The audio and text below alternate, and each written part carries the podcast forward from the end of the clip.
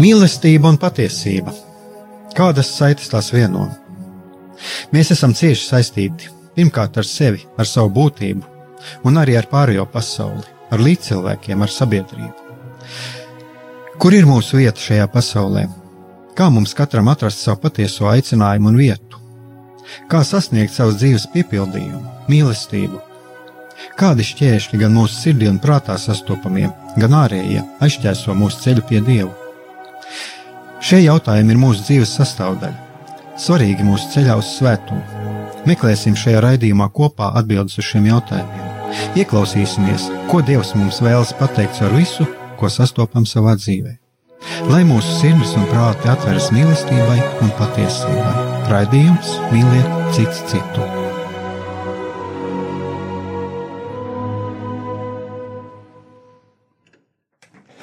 Lai top slavēts Jēzus Kristus, esiet sveicināti, darbie radioklausītāji.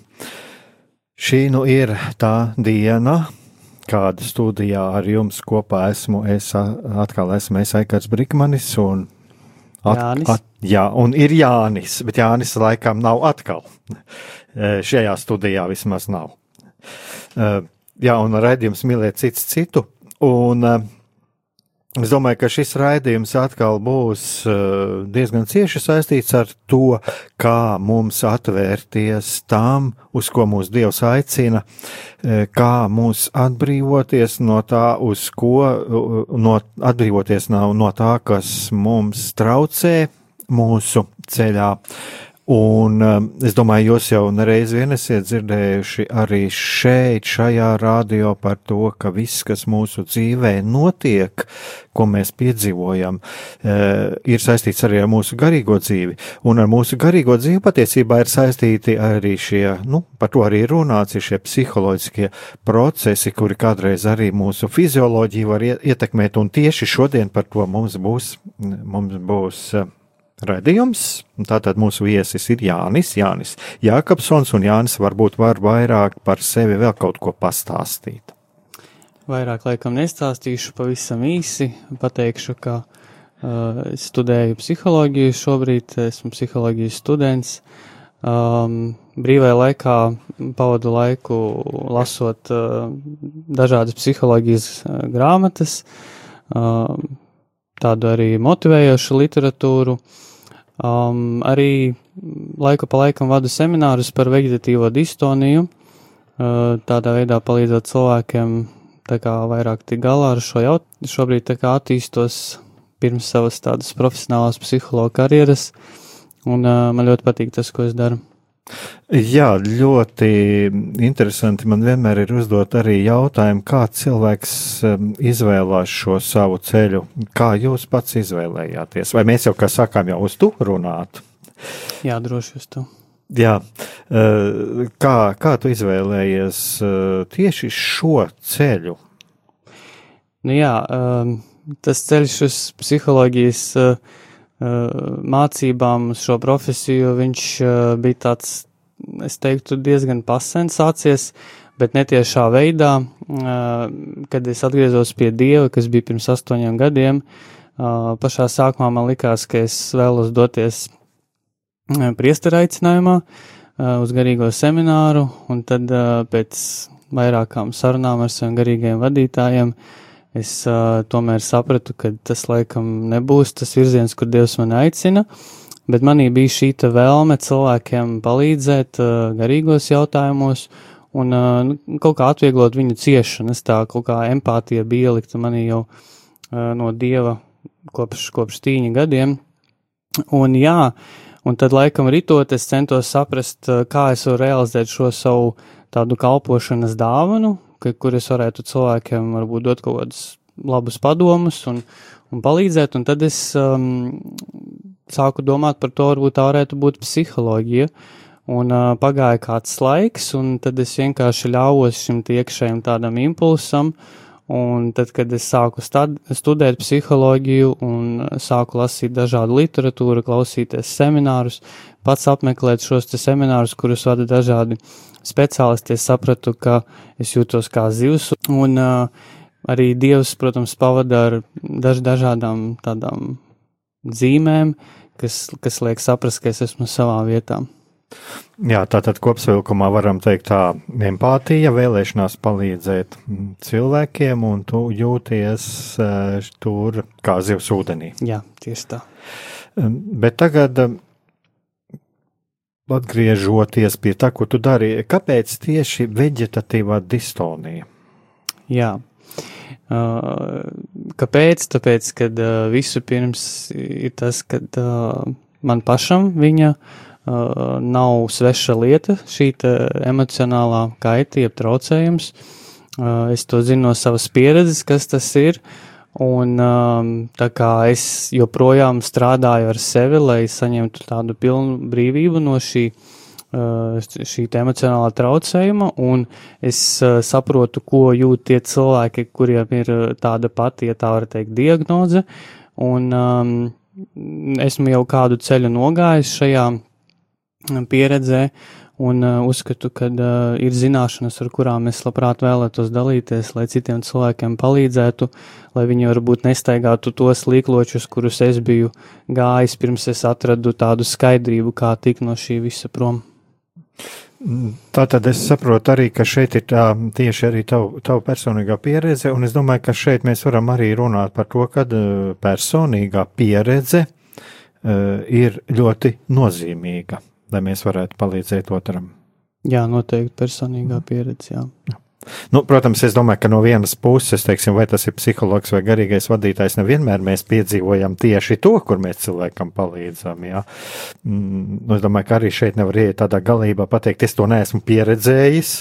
Tad tā personīgā pieredze, tas ir kaut kas tāds, kas mm, var būt ļoti noderīgs, mm, nu, vieglāk saprast šo cilvēku. Jā, noteikti.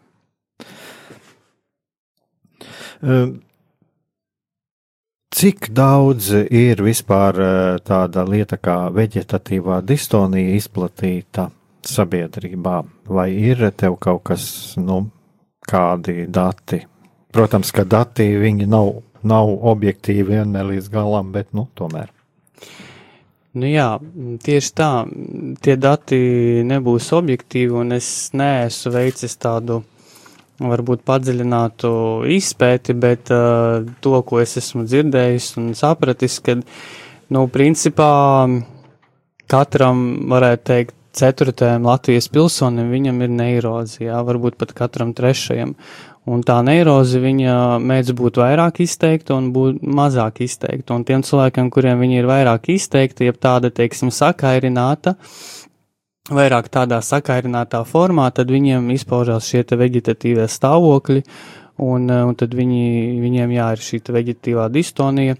Nu, tagad arvien vairāk cilvēkiem ir šī emocionālā problēma, Un, ja to laicīgi nerisina, par to rūt vēlāk runāsim, bet tad cilvēks arī iet depresijā. Tā kā ārstiem un psihoterapeitiem darba ir gana daudz. Jā, es domāju, ka tagad mēs varam paņemt arī kādu nelielu muzikālu pauzīti, un tad mēs turpināsim.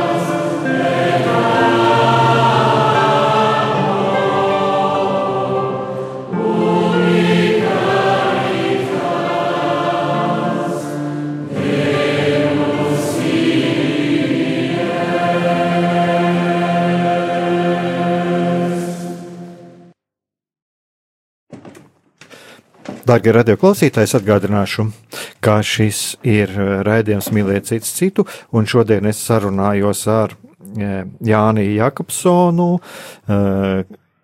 nu, es varu teikt, psihologs, ja, vai studējošs psihologs, Topošais. topošais psihologs, un mēs runājam šodien par veģetatīvo distoniju. Bet mēs pieskarāmies arī tādam jautājumam kā depresija, un šodien vēl braucot pirms pirms braukšanas šurp. Ir tāds portāls viņa, un, un arī bija man pirms kāda laika bija no šī portālā Andra Briekmane šeit viesojās.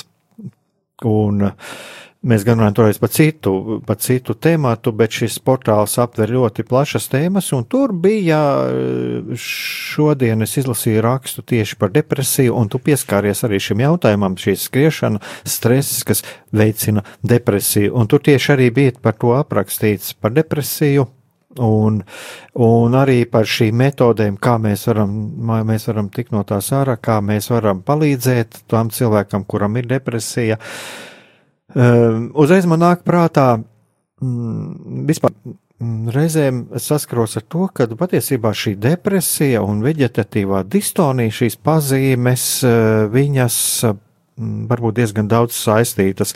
Eh, un man ir šis jautājums, eh, cik daudz varētu būt veģetatīvā distonija saistīta, saistīta vai kā to varētu definēt, iet kopā ar depresiju? Nu, jā, ja skatīties atkal procentuāli grūti spriest, bet uh, pārsvarā cilvēkiem, jā, kuriem ir ielaista šī vegetatīvā distonija, principā viņi ir depresijas stāvoklī. Tikai jautājums par to, kādas pakāpes šī depresija ir, vai tā ir vieglas formas, vidējas vai smagas formas. Un cilvēkam ar vegetatīvo distoniju pārsvarā laikam tā būtu tomēr tāda vieglas vai vidējas formas depresija. Uh, Un, eh, protams, ja ilgstoši cilvēks atrodas šādā stāvoklī, tad viņš arī nonāk līdz smagai formai. Kas eh, tagad mēs varētu arī parunāt tieši par to, kā izpaužās veģetatīvā distonija? Ja mēs jau daudz runājam šo vārdu, pieminam, bet kā viņa izpaužās? Jā, izpaužās viņa ļoti interesanti. Tādi klasiskie simptomi tie ir uh, biežas galvas sāpes, tādas vairāk spazmatiska veida, kaut kas līdzīgs migrēnai, tā varētu teikt. Tad uh, tie ir sirds pārsitieni, jeb medicīnā sauktie ekstrasistolis. Uh, tad uh, tas var būt augsts spiediens, tās var būt panikas lēkmes, tā var būt sajūta, ka tu līdz cilvēks nogīps, um, tās var būt kuņģa sāpes. Uh, kakla visādi, tādi, ka, ka, kas saspiež kaklu, teiksim, muskulatūra ir savilkta, um, nāves baiļu sajūta, cilvēkam liekas, ka viņš tūlīt nomirs, ka viņam tuvojās nāve, var nākt visā domas, tādas ļoti trauksmainas, tas ir tāds, jā, ļoti plašs simptomu spektrs, bet pārsvarā tā ir galvas sāpes saistībā ar elpošanu un sirdi un kuņģis, tā kā šie trīs. Jā, varbūt ir kāds arī tāds piemērs, ko varētu nosaukt. Nu, uh, tieši konkrēta lieta, teiksim, jā. cilvēks, kurā brīžos, kuros un jā. kuros brīžos viņš var to sastapties. Jā. Um, parasti tā, ka cilvēkam tā tad ir šī iekšējā trauksme, uh, kurai viņš īpaši varbūt nepievērš lielu uzmanību, jo, nu, viņš ir pieredzis, ka viņam ir laiku pa laikam tā trauksme, kā jau mums katram. Uh, Un uh, tad vienkārši vienu baltu dienu viņš brauc klasiski, klasiski, tas ir sabiedriskajā transportā vai iet kaut kur pa ielu, un uh, viņš pēkšņi sajūt lielu tādu fizisku diskomfortu. Pieņemsim, viņam, viņam sāk skriet sirds, jā, un tad viņš nobīstās, ka viņam sākas tahikardija, ja, paaugstināts sirds puls, un tad, tad viņš nobīstās, kas ir, protams, arī dabiska reakcija, uh, un uh, viņš sāk panikot. Un tajā brīdī cilvēkam sākas tā dēvētā panikas lēkme, un viņam nāk virsū tāds tā kā ģīboņa stāvoklis. Uh, tad cilvēkam izdalās adrenalīns, tas vairāk tādas jau detaļas. Uh, cilvēks ļoti nobīstās no šī adrenalīna. Uh, bet to laikam vēlāk mēs varētu parunāt vairāk par to terapijas pusi. Bet jā, tad cilvēks atrodas sabiedriskajā transportā, viņam paliek slikti, vai tur galva norēpst, vai viņam liekas, ka viņam nav ar ko elpot, tā dēvētā hiperventilācija. Un tad viņš sāk vēl vairāk elpot, kā rezultātā viņš izsauc šo te panikas lēkmi sevī, un tad nu viņš tur nogāžās, vai nu viņš lūdz kādu palīdzību. Parasti tas arī bieži veidās ar ātrā pēc ātrā palīdzību palīdzēt, un jā, tādā veidā. Jā, es jau arī varbūt aizmirsu piebilst, ja, kā, kā, kā šis rēdījums ir tapis, jo, jo es biju arī uz vienu semināru Svētās ģimenes mājā, tas bija pirms kādām nu, jau laikam būs kāds pāris nedēļas pagā, pagājuši, kur, kur Jānis par šo runāja. Tāpēc, tāpēc arī man šis jautājums uzreiz radās, jo tur arī tika runāts, runāts par šīm izpausmēm. Un, un tāpēc man arī nāk prātā, nāk prātā arī šīs par šīm panikas lēkmēm un, un par visām šīm lietām. Un eh, cik es atceros, tur arī bija tieši runa par šīm, par šīm nāves bailēm, un ka patiesībā tas, tas nav runa tikai par sabiedrisko transportu, tas var uznākt jebkurā vietā. Jā, noteikti, jebkurā vietā, un, pat mājās. Un, jā, un var uznākt mājās. Un tur, man liekas, bija arī par to runāts, arī kā, nu, kā tas var uznākt mājās, un, un kā, kā, kā to atpazīt. Ka tā ir vegetatīvā distonija. Jā. Uh, tad uh, parasti, kad ir šāda veida simptomi, tad uh, pats pirmais, ko cilvēkam noteikti ir jādara, viņam ir jāvēršas pie sava ģimenes ārsta. Uh, pirmais, kas ļoti svarīgi, ka mēs izslēdzam jebkādu fizioloģisku patoloģiju. Tas nozīmē, ka uh, ir jāpārliecinās par to, ka es esmu vesels. Tad ģimenes ārsts parasti nosūta pārbaudīt visticamāk sirdsdarbību, kā sirds strādā, vai viss kārtībā ar galvas asinsvadiem, pārbauda kakla asinsvadus, un ja šie tādi pamat, pamat orgāni un vispār tā, tās sūdzības, par ko cilvēkam ir, ja tiek izslēgts tas, kad viņam uh, nav nekādas slimības, tad parasti ārsts arī pasaka, ka jums ir vegetatīvā distonija. Un bieži vien tie simptomi viņi ir procentuāli 99% līdzīgi visiem. Viņi var tikai izpausties, citam kuņģis, citam elpošana. Un tādā veidā arī pirmais mēs izslēdzam to, ka es esmu fiziski vesels, un tas nozīmē, ka uh, problēma ir jāmeklē psiholoģisko, kas ietekmē manu ķermeni tik stipri, ka uz maniem orgāniem emocijas atstāja šādu iespaidu.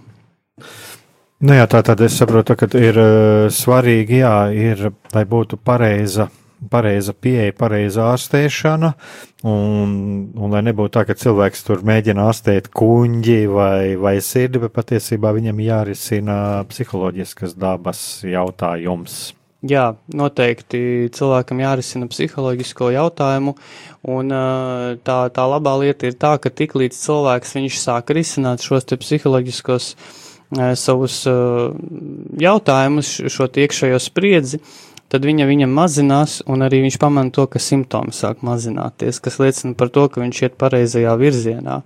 Un, nu jā, un tad jau, protams, tas ir ļoti individuāli atkarīgs no tām, kādu cilvēkam Eh, šo te terapiju vajag, vai viņam ir jāiet tikai pie psihoterapeita, vai viņam ir jākombinē šo te savu terapiju ar zālēm, bet uh, principā šeit bez psihoterapeita vai laba psihologa palīdzības varētu teikt, ka neiztikt. Protams, ir atsevišķi gadījumi, ja cilvēkam ir uh, ļoti laba šī arī tāda iekšējā psiholoģiskā kaut kāda, mm, es nezinu, teiksim, tas, tas ielikts arī no dieva tā kapacitāte psiholoģiskā, ka viņš pats daudz ko labi saprot un, un, un viņš spēja ar sevi strādāt, tad, nu, retos gadījumos cilvēks var arī bez speciālista palīdzības tikt galā, bet tas, es uzskatu, ir tāpat kā trenēties, teiksim, kādu aerobiku vai kaut ko bez trenera palīdzības, un tas ir ilgāk.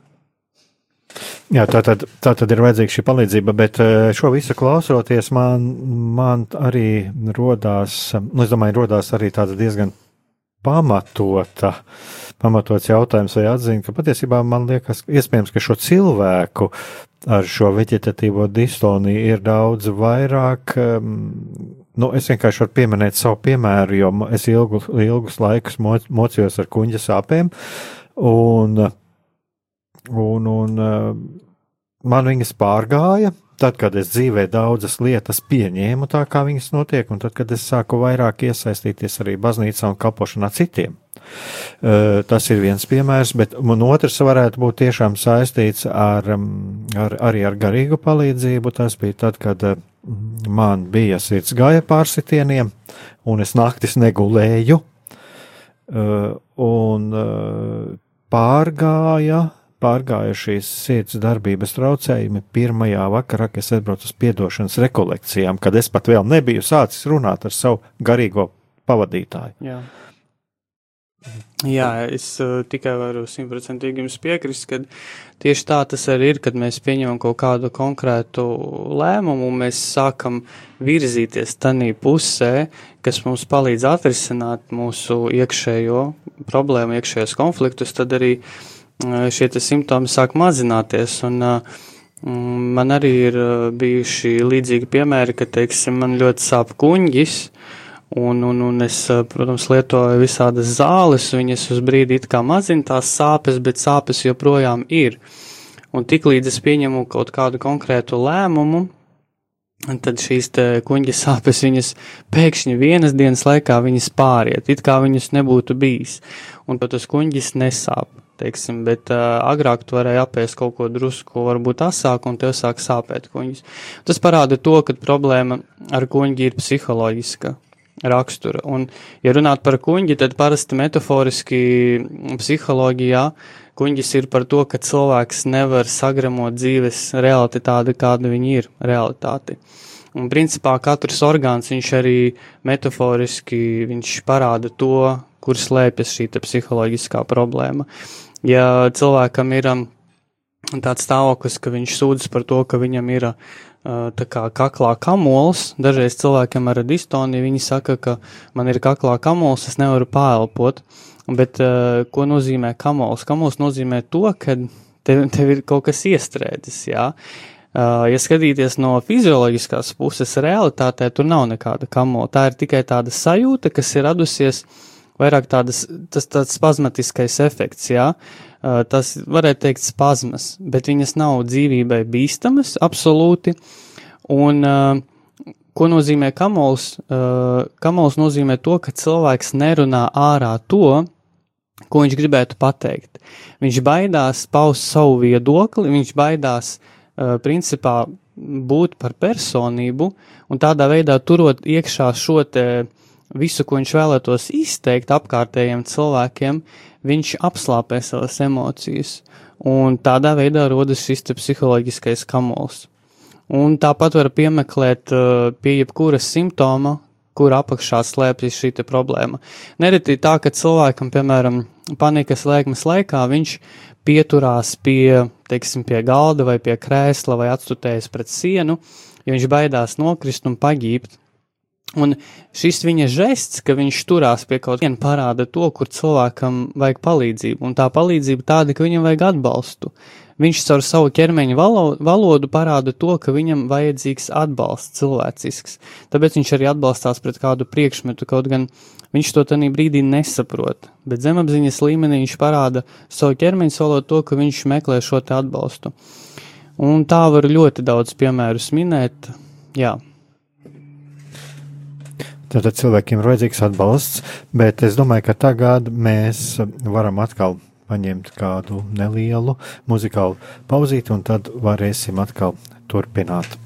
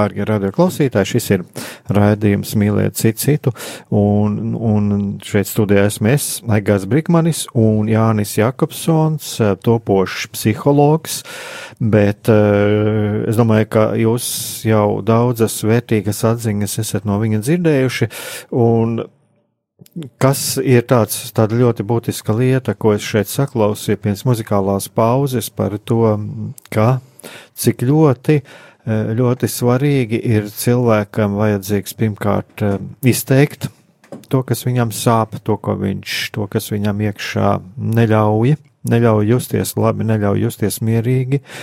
Un eh, vēl ko es tādu sadzirdēju, cik ļoti svarīgs ir atbalsts cik ļoti svarīgs ir atbalsts. Un, un es domāju, ka šeit arī ir ļoti būtiski tātad šī uzklausīšana, uzklausīšana, nevis pamācīšana, un, un vēl, lai Dievs pasargā no tā, ka mēs sāktu sāktu, sāktu vērtēt to, ko cilvēks saka. Nu, tas ir tāds no, no manas puses, e, tas ir šie principi, kas ir psiholoģija, garīgā vadība, kad mēs nevērtējam un uzklausām. Tā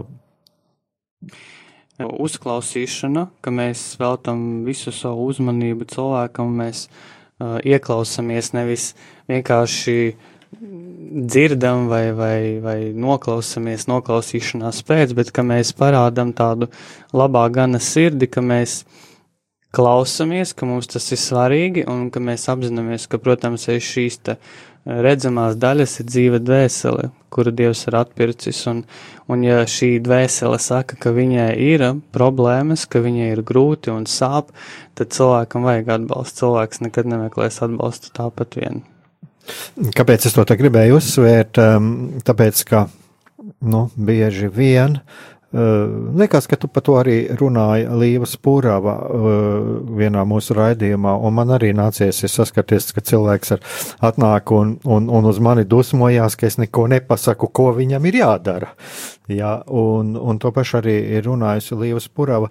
Tātad šie, šie divi punkti, ka cik ļoti svarīga ir šī uzklausīšana. Uzklausīšana Un es pat gribētu, gribētu varbūt arī no tā skatu punkta, kā, teiksim, Jēzus, kā runāja šo laulībā, mm, laulības pārkāpšanā pieķerto sievieti, ka viņš, jā, viņš pateica, ej, nu es negrēko, jo mēs varam kādreiz saskarties arī ar to, ka cilvēkam sāp kaut kas, ko viņš ir izdarījis.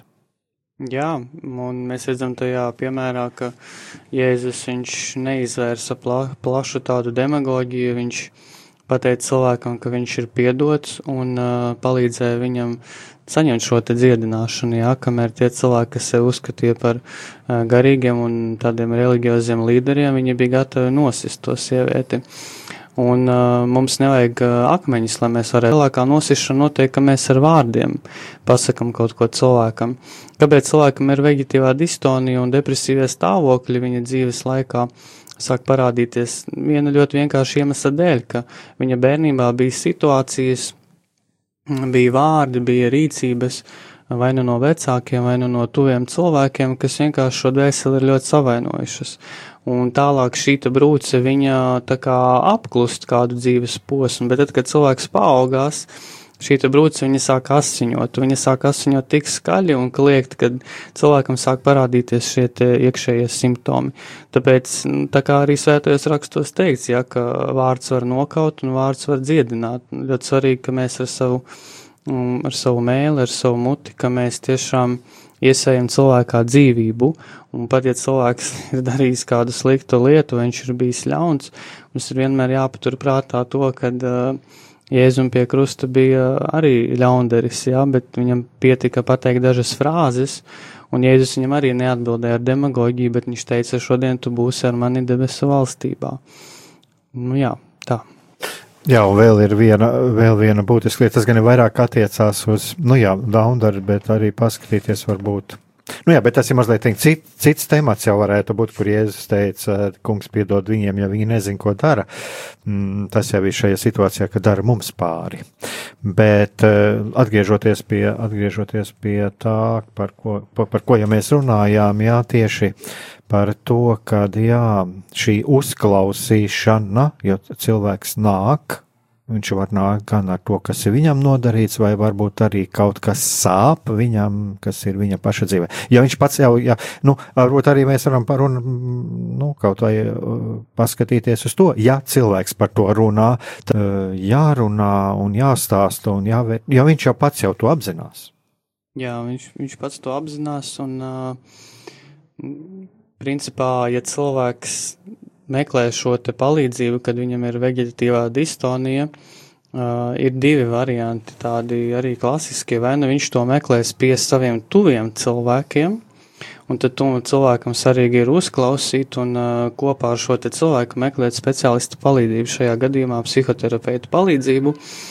Uh, bet citā gadījumā cilvēks var arī nedalīties ar saviem tuviem cilvēkiem, kāpēc? Jo viena iemesla dēļ viņš neusticās. Cilvēks pat var būt uh, laulībā, jā, teiksim, sieviete precējusies ar savu vīru, bet viņa tik ļoti iekšēji baidās no tā, ka vīrs viņu nosodīs, ka viņš viņu nepieņems, jo viņai ir pamatotas bažas. Viņi ir piedzīvojuši savā dzīvē konkrētas situācijas, kur vīrs izrādīja šo nepieņemšanu, un, un varbūt pat kaut kādā veidā viņa sejas izteiksme ir bijusi tāda drusku agresīva, un cilvēks ļoti, mēs ļoti iegaumējam šo sejas izteiksmi, kā uz mums skatās cilvēki. Un šī sieviete, jau iepriekš nemaz nedomā teikt savam vīram to, kas viņai ir sakrājies. Un tādā veidā viņa tikai sev vairāk paaugstina šo emocionālo spriedzi, un kad viņai notiek panikas lēkme, piemēram, tad viņa nevis bēg uz mājām, bet no mājām. Un ir arī pretējie gadījumi, kad cilvēkam ir šīs panikas lēkmes uh, un šie tādi emocionāli traucējumi, uh, ka viņš meklē palīdzību mājās, ka viņš skrien pēc iespējas ātrāk uz mājām. Māja viņam ir simboliski tāda drošības sala, kur viņš var noslēgties no šīs apkārtējās vides. Ļoti laba atbilde. Patiesībā tieši tas arī, ko es, ko es, ko es gaidīju. Jo, jo tieši tas, to es vēlējos arī caur, caur šo uh, uzsvērt, un tu arī ļoti labi atbildēji, ka, lūk, šī uzklausīšana, un šis bija tas ļoti labs piemērs, tas ļoti labs piemērs, ka patiesībā cilvēki uh, tura pie sevis to, kas viņiem sāp, tāpēc, ka viņi ir pie, viņiem ir bijusi šī nedzi, negatīvā pieredze, šī nesaprašana un, un arī tiesājoša attieksme. Uh, otrs, kas arī, ko es, ats, ko es vēl atceros, bija viena tāda frāze uh, - uzklausīt, nevis klausīties. Tas jau arī cilvēks to jūt, vai viņu cenšas saprast, vai vienkārši cilvēks klausās, tāpēc, nu, labi, es paklausīšos, lai nebūtu konflikta, bet, nu, tu ej tālāk ar savu problēmu. Ja? Tā tad uzklausīt otru un arī arī saprast, censties saprast.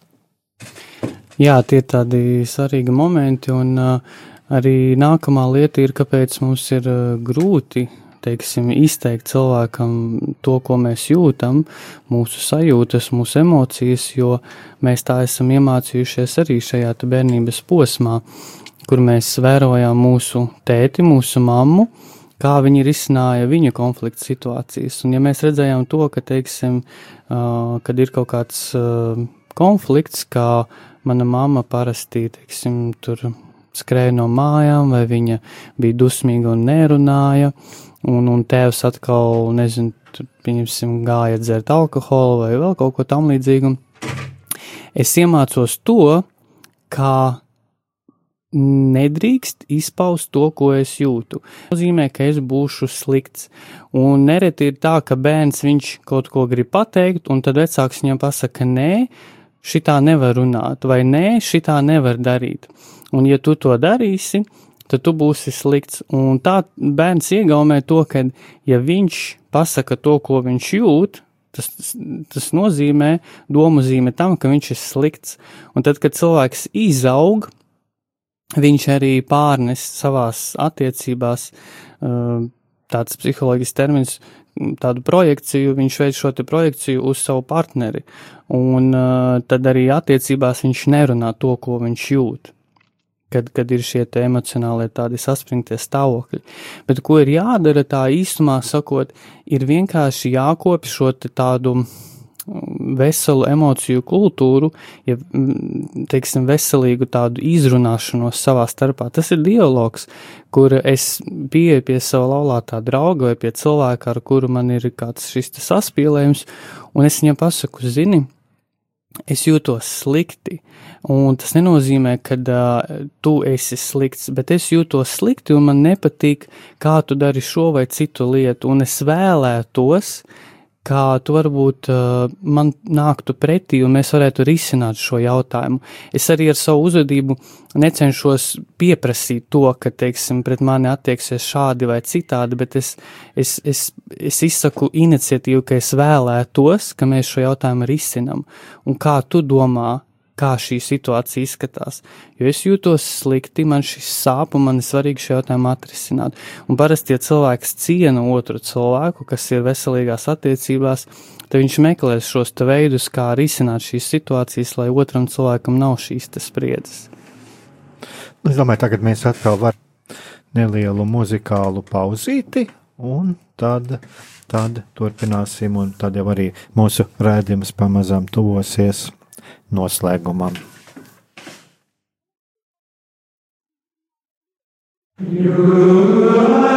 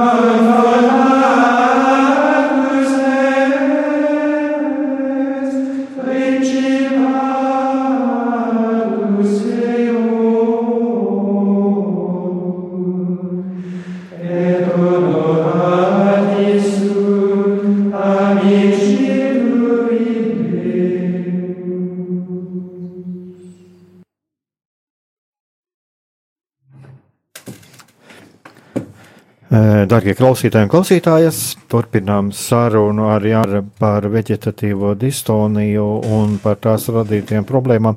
Un mēs arī, arī parunājām jau par cēloņiem, un tā tad Tā tad atkal jāatgriežas pie tā, kas jau bieži vien ir šeit radio runāts, cik ļoti svarīgi ir mums censties, censties uzklausīt otru, cik ļoti svarīgi ir censties saprast otru, būt, būt eh, atbalstīt otru, un patiesībā jau katram cilvēkam arī ir vajadzīgs, lai viņam būtu kāds, kas viņu uzklausa un, un atbalsta, un ir klāt visās dzīves situācijās.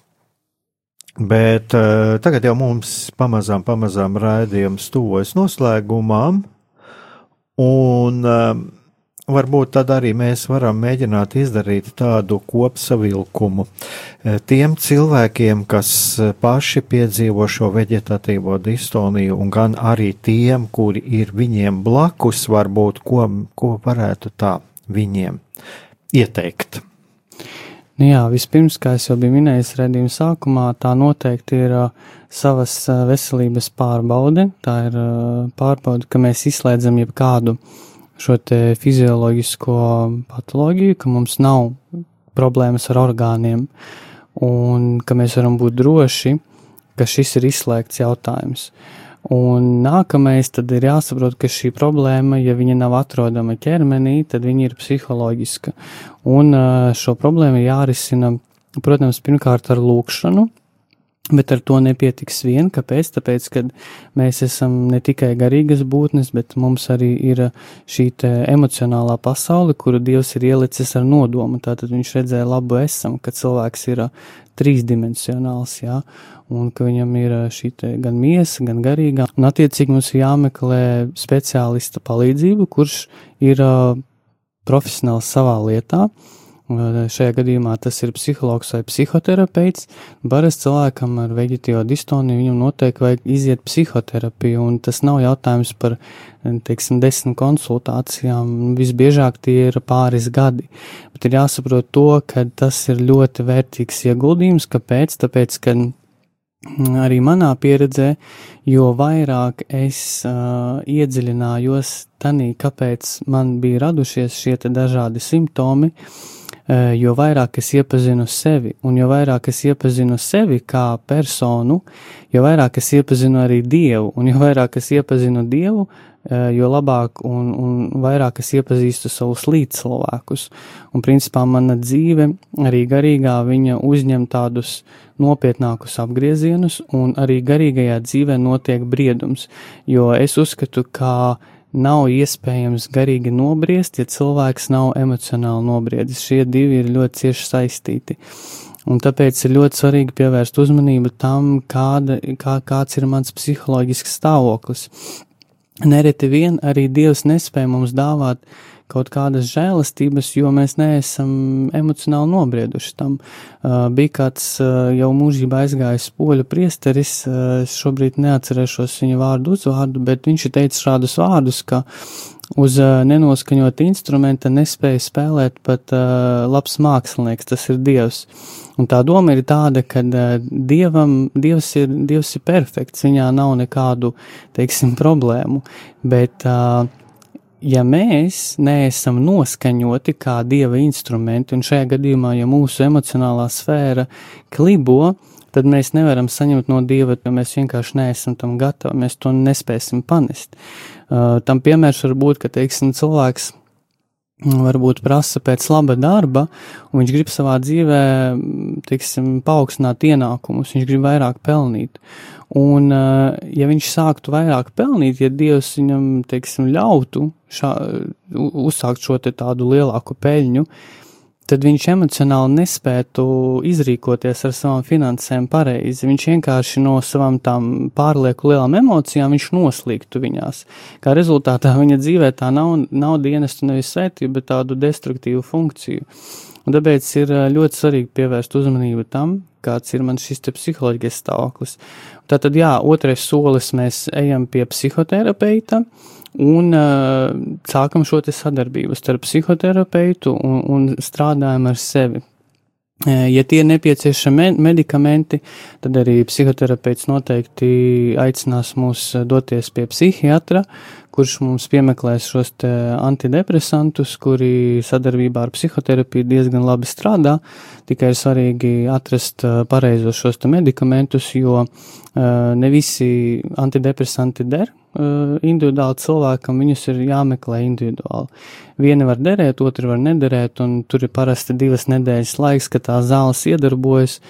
Un tad, ja cilvēkam nav izteiktu blakus parādību, tad viņam šī zāles der, bet ja viņam, viņš jūt lielu diskomfortu un viņš nepāriet šīs blakus parādības antidepresantiem, tad viņam ir jādodas atkal pie psihiatra meklēt citus medikamentus.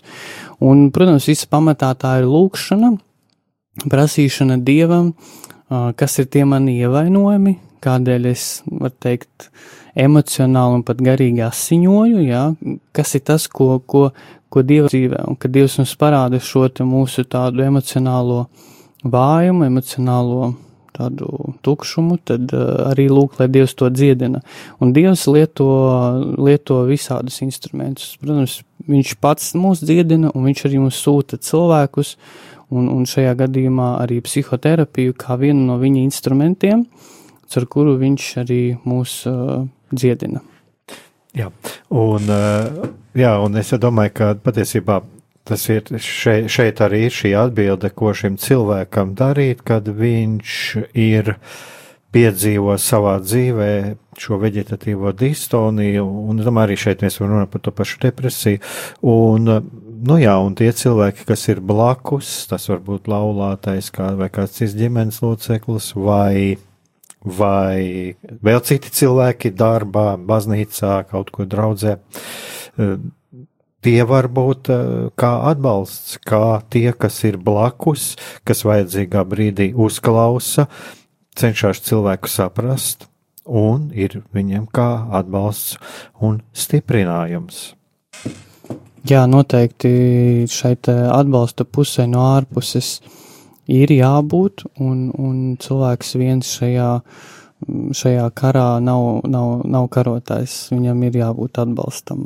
Tas var būt arī kāds garīgais vadītājs, draudzes priesteris, cilvēks, kurš, kuram es varu uzticēties, ar kur es varu arī dalīties ar saviem iekšējiem stāvokļiem Un, protams, svarīgi ir tas jau tādas nianses, bet uh, vispār ir ļoti labi, ja mēs ieviešam savā dzīvē uh, ikdienas dienas grāmatu, kurā mēs varam burtiski uh, rakstīt dievam vai, vai veidot tādu sarunu ar sevi, ka es uh, vienkārši uzrakstu, kā es šodien jūtos, par ko es esmu pateicīgs, par ko es esmu beidīgs, kā es vēlētos justies. Uh, Un ko es daru tādā savā, tādā, teikt, ikdienas praksē, ka šajā dienas grāmatā es uzrakstu tādu skalu, kas ir mana garstāvokļa skala, un tajā skalā ir mīnus 4, mīnus 3, mīnus 2, mīnus 1 un 0, un tad līdz plus 4 šis te emocionālais stāvoklis, un es atzīmēju, kādā stāvoklī es šobrīd atrodos pēc izjūtām. Un tad es redzu, ja tā ir nulle vai, teiksim, mīnus divi, es uzdodu sev jautājumu. Pats pirmais jautājums, kas ar mani šobrīd notiek? Un otrs jautājums, kāpēc tas ar mani notiek? Tad es veido, veidoju sev tādu, nu, kā sokratisku dialogu, es pajautāju sev, un, un kāpēc tas priekš manis ir svarīgi, ka es šobrīd uzskatu šo te problēmu par tik, par tik būtisku. Un ar šo jautājumu uzdošanu es arī palīdzu pats sev tādā veidā, veidā atrodot atbildes. Un, jā, tā kā savā, savā ziņā es esmu arī pat, pats sev kā psihoterapeits vai psihologs. Un jo vairāk es ar sevi sākšu strādāt, jo vairāk es lūgšu Dieva svētā gara palīdzību, mm, Dievs nav skops, viņš nāks man pretī un dziedinās. Jo arī, nu, ja tā var teikt, Dievs būs ieguvējis, ja es būšu vesels cilvēks, emocionāli, fiziski, garīgi, tad es spēšu vairāk uh, darīt to, ko, ko Dievs no manis sagaida šai pasaulē. Un arī, kas ļoti svarīgi, uh, arī saprast, ka tā ir ļoti liela atbildība uz maniem pleciem parūpēties par sevi. Kāpēc? Tāpēc, ka, ja es nespēju parūpēties par sevi, ja es nespēju sakārtot savu dzīvi tā, kā lai, lai man būtu labi darīt to, ko Dievs no manis vēlas šajā pasaulē, tad uh, cietīs arī mani līdzcilvēki. Un uh, tā ir mana atbildība, lai viņiem būtu labi ar mani, un lai es viņiem neesmu par nastu savā ziņā, jā. Jo, ja es pret sevi esmu bezatbildīgs un, un uh, nerisinu šīs lietas, tad arī cieši mani līdzcilvēki. Jā, nu, lūk, tā tad arī ar šo tādu atgādinājumu varbūt arī būs jānoslēdz, un jā, tiešām Paldies par vērtīgo sarunu, un es domāju, ka šeit arī mēs katrs varējām dzirdēt kādus vērtīgus padomus. Vērtīgs padoms, kā tad mums, mums iet pie šī arī dieva iecerētā plāna īstenošanas savā dzīvē. Jā, un eh, kā es arī priekš sevis tā atzīmēju svarīgu tādu lietu, ka Mm, Dievs, viņš mums ir devis dažādus uh, ikdienas līdzekļus, lai mēs spētu funkcionēt, un, teiksim, uh, lai mēs nesmirdētu, mums ir ūdens, jā, kuru mēs mazgājamies, un mēs neiebilstam, ka mums ir ūdens, mēs to lietojam. Mums ir ēdiens, lai mēs būtu pāēduši, mums ir tāpat arī vitamīni, kurus mēs lietojam, lai kā papildus stimulētu savu ķermeni, lai viņš ilgāk nodzīvotu. Un tāpat ir arī šie psiholoģijas instrumenti, ja viņi neiet pretrunā mūsu ticības, katoliskās ticības atklāsmei, tad mums viņus ir jālieto, lai mēs arī būtu emocionāli veseli. Nu, šoreiz gan būs jānoslēdz, un arī ar šo labo novēlējumu, tiešām, lai mēs būtu emocionāli veseli.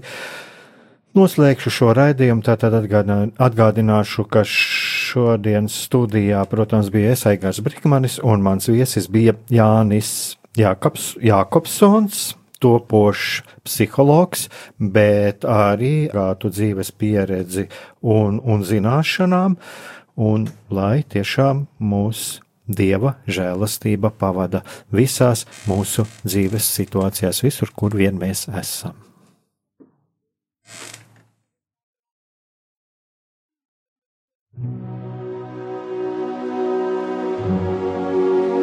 Mīlestība un patiesība.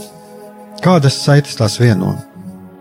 Mēs esam cieši saistīti pirmkārt ar sevi, ar savu būtību, un arī ar pārējo pasauli, ar līdzcilvēkiem, ar sabiedrību. Kur ir mūsu vieta šajā pasaulē? Kā mums katram atrast savu patieso aicinājumu un vietu? Kā sasniegt savas dzīves piepildījumu, mīlestību?